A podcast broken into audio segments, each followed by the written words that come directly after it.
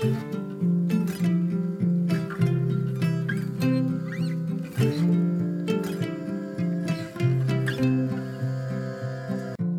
och välkommen till For Health med Anna Sparre. Idag ska vi prata om det viktiga ämnet inflammation. Inflammation som är roten till allt ont som jag brukar säga. Allt från hjärt och kärlsjukdom till magbesvär, autoimmuna sjukdomar, hudåkommor, ja till och med psykologiska besvär som depression har en koppling till inflammation. Men vad är det då som ger dig inflammation? Och hur blir du av med inflammation? Vad är antiinflammatoriskt? Om du gillar avsnittet så blir jag jätteglad om du vill dela med dig av det på Facebook, Instagram eller till din vän. Glöm inte heller bort att lämna en recension av podcasten i iTunes eller i din podcastapp. Även om du redan har lämnat en recension så ber jag dig att göra det igen. Det är nämligen superviktigt för podden. Titta också in på forhealth.se och läs ett blogginlägg. Boka en hälsohelg för dig och dina vänner eller boka mig som föreläsare till ditt företag eller event.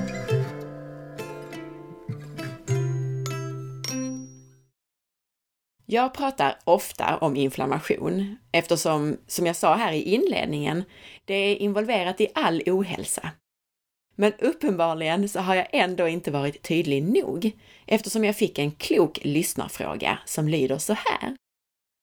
Hej Anna! Jag tänkte föreslå ett poddavsnitt om inflammatorisk respektive icke-inflammatorisk mat, om det inte redan finns bland dina många intressanta avsnitt. Jag tycker att det är lite svårt och inte alltid intuitivt att veta vad som är inflammatoriskt och inte. Tack för din fantastiska podd! Hälsningar Frida! Så idag så kör vi ett avsnitt helt om inflammation.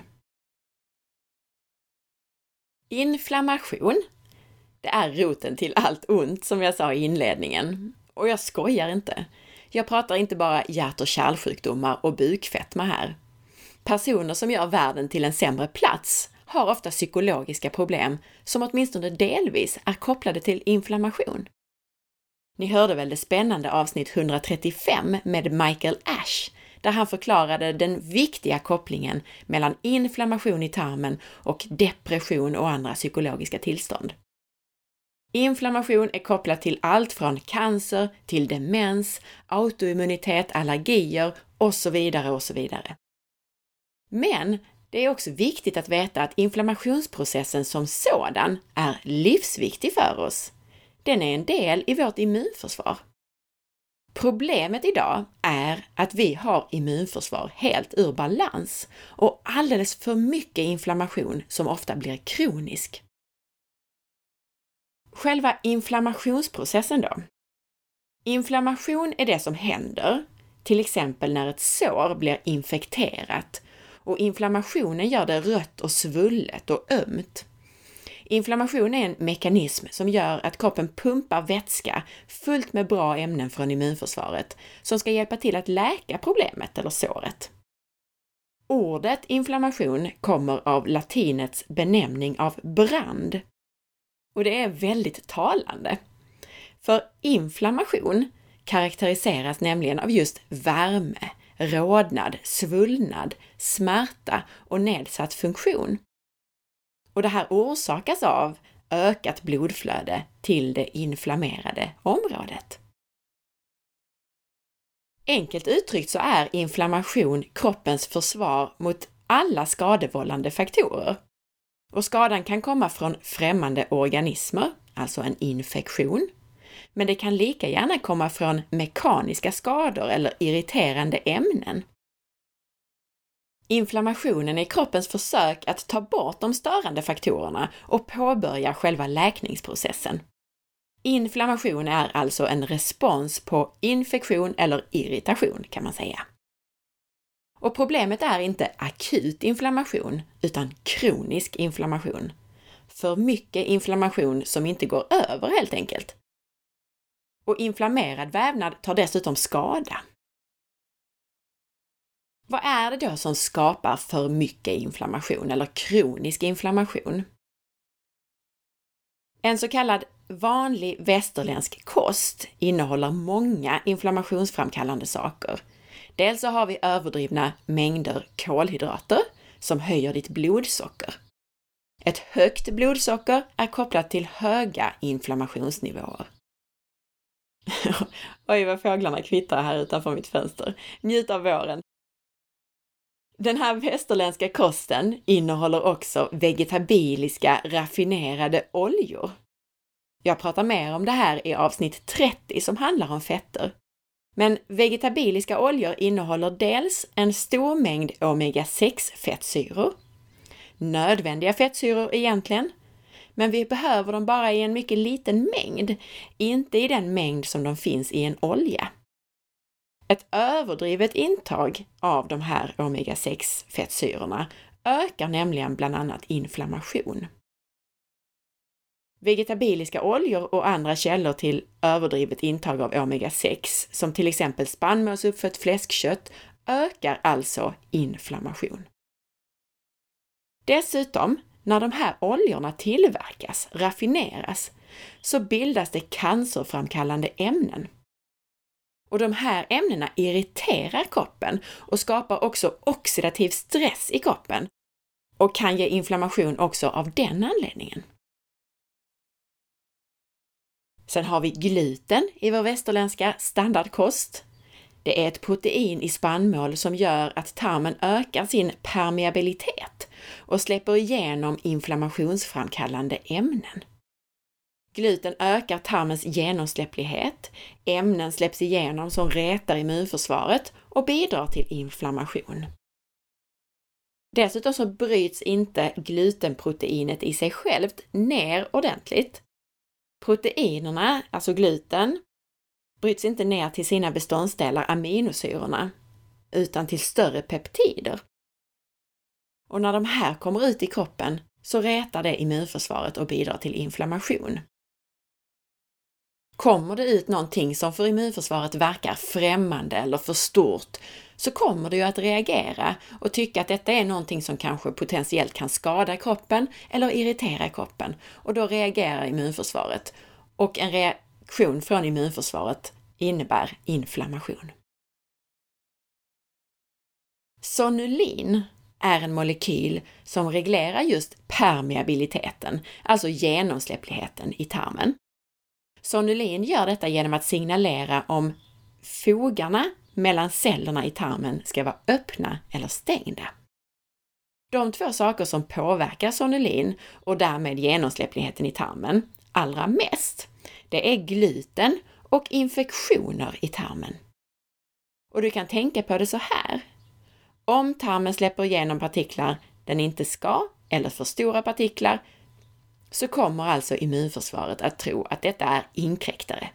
Immunförsvaret reagerar mot dessa fiender och du får ökade inflammationsnivåer. I en relativt ny studie så kunde man se att en kost som är oprocessad och fri från spannmål, socker och stärkelse botade inflammatoriska tarmsjukdomar. Och med oprocessad så menar man alltså att det inte är en massa bearbetad mat, utan man använder mer rena råvaror. Resultatet av den här kosten, som alltså var oprocessad och inte innehöll en massa spannmål och socker och stärkelse, det resultatet blev att tarmfloran förändrades. Och tarmfloran kommer vi till strax. Inflammationen i tarmen minskade mycket och CRP, ett blodprov som indikerar inflammation, minskade drastiskt och ner till normala nivåer. Så forskningen stödjer alltså kopplingen mellan just kost och inflammation. Även mejeriprodukter verkar inflammationsframkallande hos många personer. Mjölkprotein är precis som gluten svårt att bryta ner och kan gå ut i kroppen och reta immunförsvaret och därmed bidra till inflammation. Och i en relativt ny studie så hänvisar forskarna även till själva mjölksockret. Forskarna hittade i studien en koppling mellan hög konsumtion av mjölk och för tidig död. Forskarnas hypotes är att detta beror på att mjölk orsakar en kronisk låggradig inflammation. Och visst, lite råmjölk skulle nog de flesta klara, men dagens högprocessade mejeriprodukter är så bearbetade med pastörisering och homogenisering att de troligen är mer inflammationsframkallande av just den anledningen, alltså för att de är så bearbetade. Mer om en västerländsk kost, eller som jag kallar det, en icke-evolutionär kost, lär du dig i avsnitt 60 av podden. Men jag vill sticka ut hakan lite och säga att all inflammation startar i tarmen. Här handlar det både om att ha en intakt och hel tarm som inte skadas av dålig mat, men också om att ha en bra tarmflora. Man vet från forskning att en sämre tarmflora är kopplad till inflammatoriska tillstånd som till exempel allergier och astma. Och en sämre tarmflora på grund av till exempel hög användning av antibiotika påverkar immunsystemets och hjärnans utsöndring av inflammationsframkallande cytokiner eller cytokiner. Och det påverkar både tarmens och blod-hjärnbarriärens integritet, alltså hur täta och hela de här barriärerna är, både i tarmen och in till hjärnan. En bra tarmflora dämpar inflammation genom att goda bakterier producerar antiinflammatoriska ämnen. Kortkedjade fettsyror som butyrat, som dina bakterier tillverkar, är starkt antiinflammatoriska. En dålig tarmflora och infektioner av parasiter, svamp och patogena bakterier kan däremot ha motsatt effekt och vara inflammationsframkallande. Jag nämnde ju faktiskt tidigare att sonulin, som reglerar tarmens genomsläpplighet och som därmed påverkar inflammation, påverkas av gluten och just av infektioner i tarmen. Och det bästa sättet att undvika infektioner i tarmen till att börja med är att skaffa dig en riktigt bra tarmflora. Jag brukar säga att tarmen är som en rabatt. Fyller du den med rosor och tulpaner så blir det mindre plats för ogräs. Men har du för lite av det goda så tas tarmen över av ogräset, de sämre mikroorganismerna. I avsnitt 128 så pratar vi mer om tarmfloran och hur du förbättrar din tarmflora. Och det avsnittet gäller framför allt dig som redan nu är på en relativt hög nivå när det gäller att äta en hälsosam kost. Om du känner att du behöver börja lite från början så börja gärna med de mer grundläggande avsnitten om tarmhälsa och tarmflora. Avsnitt 44, 46 och 51. Har du stora problem, trots att du gör allting rätt med kost och andra livsstilsfaktorer, så skulle jag råda dig att göra ett avföringsprov som analyserar tarmfloran. Kanske är det någonting som behöver behandlas. Själv så arbetar jag med de tester som kallas för CSAP, som ger svar på bland annat hur din goda tarmflora, din matsmältning och inflammationsmarkörer i tarmen ser ut. Och om du har några patogena bakterier, gästsvampöverväxt eller parasiter. Allt detta är saker som påverkar inflammation. Kom också ihåg att om du äter saker som du inte tål så kommer du att gå omkring med förhöjda inflammationsnivåer. Allt som immunförsvaret reagerar på, allt du inte tål, ger ju inflammation. Och detta är en av anledningarna till att en autoimmunkost kan vara så effektiv mot inflammatoriska tillstånd.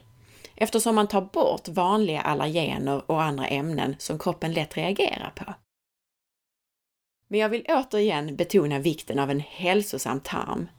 Anledningen bakom många intoleranser är just en skadad tarm eller en dålig och nedsatt tarmflora, som i sin tur till exempel kan göra immunförsvaret överaktivt och felutbildat kan man kalla det för.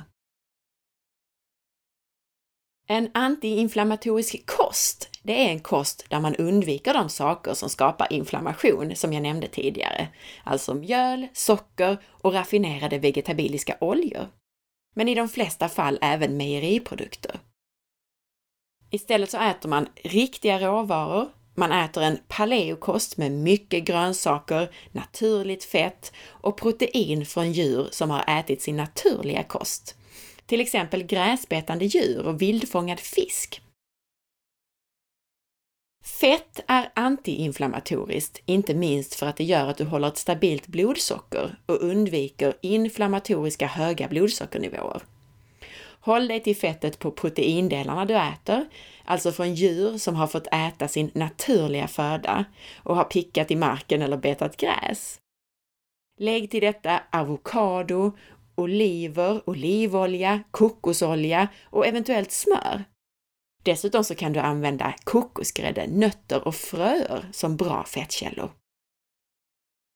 Grönsaker är antiinflammatoriska av många anledningar.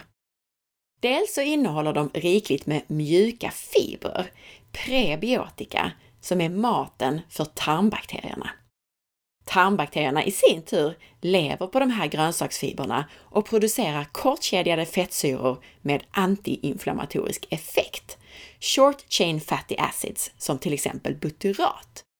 Och det här pratar vi mer om bland annat i avsnitt 128 och du får lite extra kött på benen så att säga i avsnitt 128b och c. En annan anledning till att grönsaker är antiinflammatoriska, förutom de här fina mjuka fibrerna som gynnar vår tarmflora, det är att grönsaker innehåller antioxidanter. Oxidation och fria radikaler leder nämligen till inflammation. Antioxidanter motverkar den här effekten. Alla naturliga proteinkällor från djur som har haft det bra, det är bra mat. Det pratas en del om att kött skulle vara inflammationsframkallande.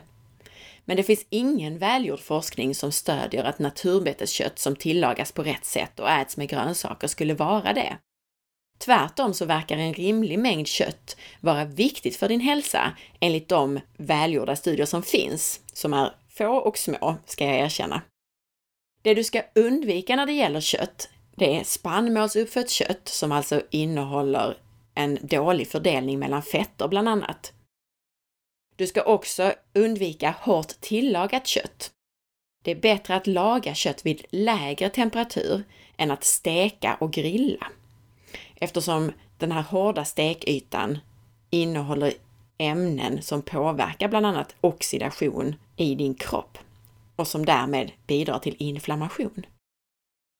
Processat kött i form av färdigköpta pålägg, köttbullar, korv och bacon ska du också undvika. Och du ska undvika att äta kött utan grönsaker till. Fibrerna i grönsaker verkar nämligen ha en nödvändig och skyddande effekt mot eventuella nackdelar vissa sorters kött skulle kunna ha. Förutom det här grundläggande, att äta rena råvaror, oprocessad mat med naturligt fett, mycket grönsaker och bra källor till protein. Lägg dessutom gärna till särskilt antiinflammatoriska livsmedel. Och några av de mest effektiva sakerna att boosta kroppen med för att minska inflammation är örter och kryddor.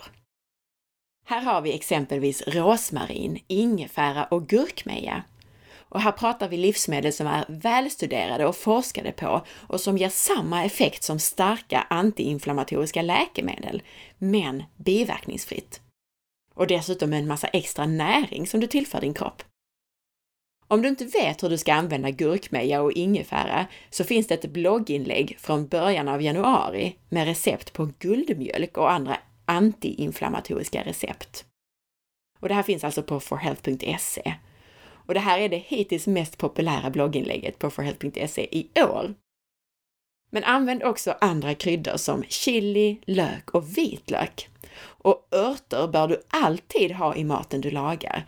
Det är så näringstätt, så antiinflammatoriskt och innehåller så mycket häftiga ämnen med många helt outstanding effekter i din kropp. Närodlad nyplockad frukt kan du gärna äta i rimliga mängder. Men överdrivet intag ger mycket socker, som ju i sin tur då kan ha en viss inflammatorisk effekt. Så håll dig hellre till bär om du inte plockar äpplen från egna trädgården. Sura frukter som grapefrukt och citron, det är också bra när vi pratar en antiinflammatorisk kost. Och så gäller det att förutom de stora inflammationsframkallarna i kosten, såsom socker, mjöl och dåliga fetter, undvika andra inflammationsframkallande ämnen. Emulgeringsmedel till exempel har man sett i studier påverkar tarmen och ökar inflammation. Du måste alltså äta en ren kost på riktiga råvaror, helst utan förpackning, innehållsförteckning och tillsatser. Höjden av en antiinflammatorisk kost, det är en autoimmunkost, en AIP, som dessutom bör innehålla rikligt med naturligt fett och även mycket grönsaker som gynnar en god och antiinflammatorisk tarmflora. Och anledningen att jag betonar fettet här är därför att jag har märkt att en del som går över till en AIP glömmer fettet. Fett är väldigt antiinflammatoriskt om det är i naturlig form, som kokosolja, olivolja och avokado till exempel. Med en sån kost, en AIP, så undviker du både socker, spannmål, mejerier och andra ämnen som kan reta tarm och immunförsvar, såsom vanliga allergener. Men kanske räcker det för dig med att fokusera på en mer vanlig paleokost, alltså att äta rikligt med grönsaker och undvika spannmål och processad mat och minimera mejeriprodukterna. Oavsett så vill jag verkligen trycka på vikten av din tarmflora. Har man besvär och reagerar med inflammation på en massa olika livsmedel så sitter definitivt problemet i tarmen. Läk tarmen! I tarmen så finns det mesta av ditt immunförsvar och därmed börjar inflammation nästan alltid där. Och vi vet att de flesta av oss inte har en optimal tarmhälsa och tarmflora. Återigen, lyssna på avsnitt 128 så får du lära dig hur du förbättrar din tarmflora. Ett gott tecken på hälsa, det är att vi har en stor artrikedom i vår bakteriekultur. Olika arter balanserar varandra och i en frisk tarm så tar inte någon art över och kan dominera. Med mediciner som till exempel antibiotika, överdriven hygien, att inte bli ammad och att födas med kejsarsnitt minskar den här artrikedomen. Detta är alltså också saker som kan påverka om du får ett immunförsvar ur balans och överdriven inflammation eller inte. Några ytterligare mer specifika tips på antiinflammatoriska livsmedel. Fisk. Ät gärna fisk nästan var dag i någon form. Om så bara lite makrill i tomatsås eller en bit sill. Omega-3 är mycket antiinflammatoriskt och fisk innehåller dessutom en massa andra ämnen som är viktiga för immunförsvaret, selen till exempel. I oliver och olivolja så finns det ett ämne som kallas för oleokantal. Jag vet inte exakt hur det uttalas. Men det här ämnet i alla fall har en antiinflammatorisk effekt som liknar den i NSAID-preparat som till exempel Ipren. En väldigt god anledning att äta lite mer oliver för att minska inflammation alltså. Och det här ämnet, oleokantal, förhindrar bildandet av proinflammatoriska ämnen, COX-1 och COX-2-enzymer, på liknande sätt som antiinflammatoriska läkemedel som Ibuprofen. Ketoner har en antiinflammatorisk effekt och verkar på liknande sätt som butyrat, den här antiinflammatoriska kortkedjade fettsyran som bildas av våra tarmbakterier alltså. Och ketoner bildas när du äter en så kallad ketogenkost med rikligt med fett och begränsat med kolhydrater. Alla personer mår inte bra av en strikt ketogenkost, särskilt inte du som har mycket stress eller är utmattad. Men du som gör det, så bra för dig! Ketoner är även antiinflammatoriska. Och mer om ketoner kan du lära dig i avsnitt 12. Och jag ska också tillägga att oavsett om du mår bra på en superstrikt ketogenkost eller inte, så kan de flesta äta så pass begränsat med kolhydrater och så pass mycket fett att man åtminstone har en viss tillverkning av ketoner. Det anser jag vara hälsosamt för i stort sett alla. Selen är ett annat ämne som jag tycker är viktigt att ta upp här när vi pratar inflammation. Mest för att de flesta har brist på det eftersom vi har så selenfattig mark i Sverige. Brist på selen kan definitivt bidra till en obalans i immunförsvaret och förvärra inflammation. Selen finns framför allt i mat från havet som fisk och skaldjur och alger. Men det finns också en del i nötter. Andra ämnen som är viktiga för ett starkt och välbalanserat immunförsvar är vitamin D, zink och C-vitamin. Lyssna gärna också på avsnitt 89 om hur du stärker immunförsvaret, eftersom jag i det avsnittet också berättar mer ingående om obalanser i immunsystemet. Och som jag nämnde innan, örter och kryddor.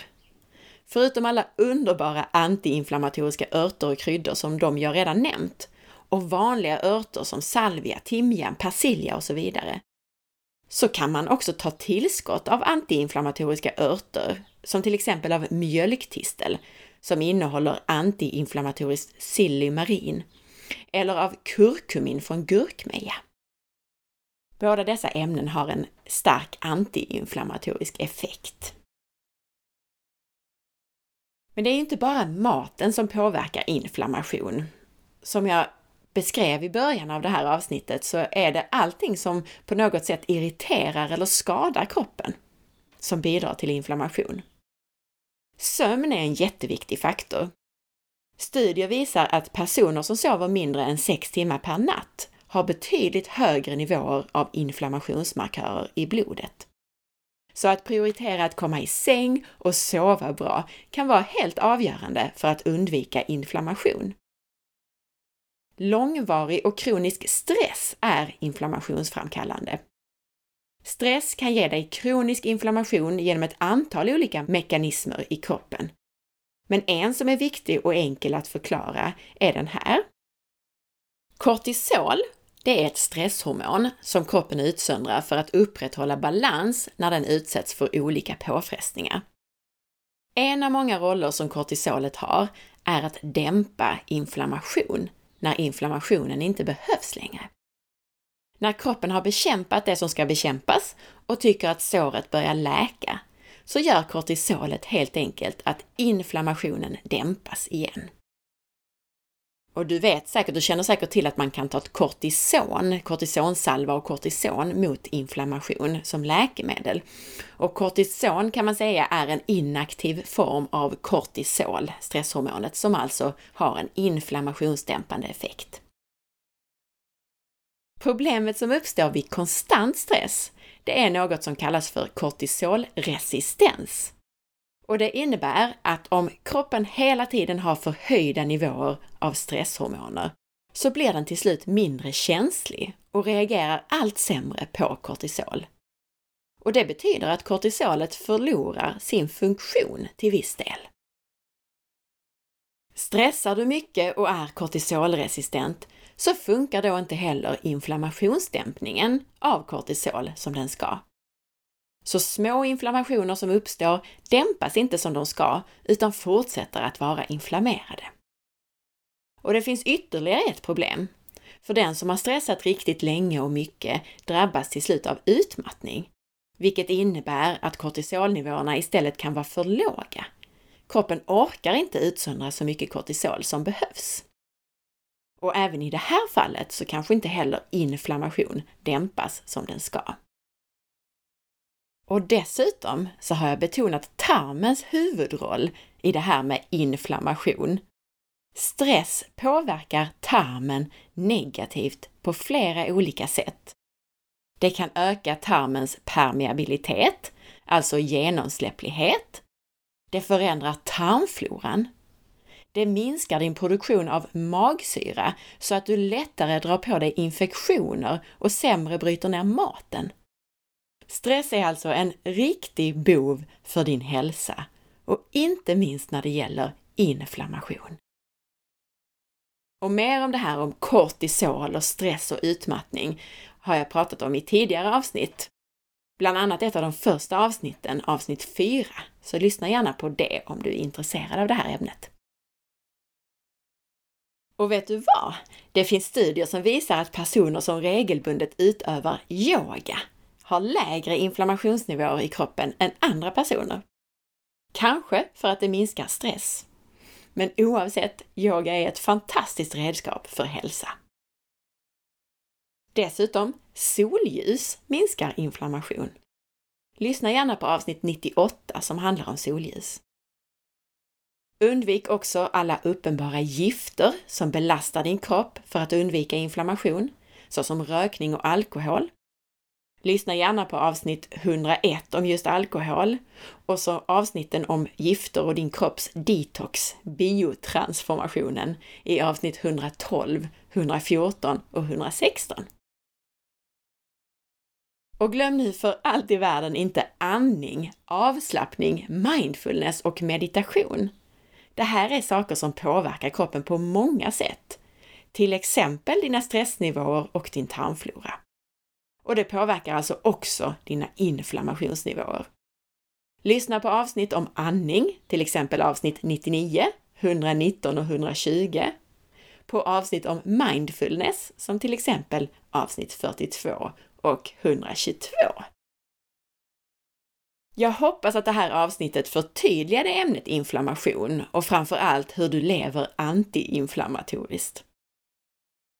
Du som delar det här avsnittet på Facebook är med och tävlar om kosttillskott. Gå till facebook.com forhealth.se och dela avsnittsinformationen.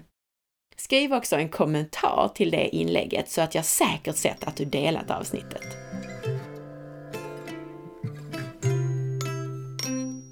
Tack för att du lyssnade! Jag hoppas att du gillade avsnittet. Gjorde du det, så dela med dig av det. Dela avsnittsinformationen på facebook.com forhealth.se och tipsa en vän om avsnittet. Tänk också på att lämna din recension i iTunes eller i din podcastapp. Även om du redan gjort det, gör det igen. Det finns inget som hjälper podden så mycket som en recension och ett betyg i iTunes nämligen. Vissa har berättat att de inte hittar var de lämnar recensionen. Och anledningen är att även om du prenumererar på den här podden i din podcastapp så måste du söka fram podcasten For Health med Anna Sparre på nytt med hjälp av sökfunktionen för att kunna lämna din recension. Klicka alltså på förstoringsglaset och skriv sedan For Health för att söka fram podden. Klicka sedan på själva podcasten och välj recensioner. Där kan du klicka på antalet stjärnor du vill ge som betyg och skriva en rad. Tack snälla alla som har lämnat era recensioner! Missa inte heller att följa med på Instagram via asparre. Ha en härlig antiinflammatorisk dag så hörs vi snart igen.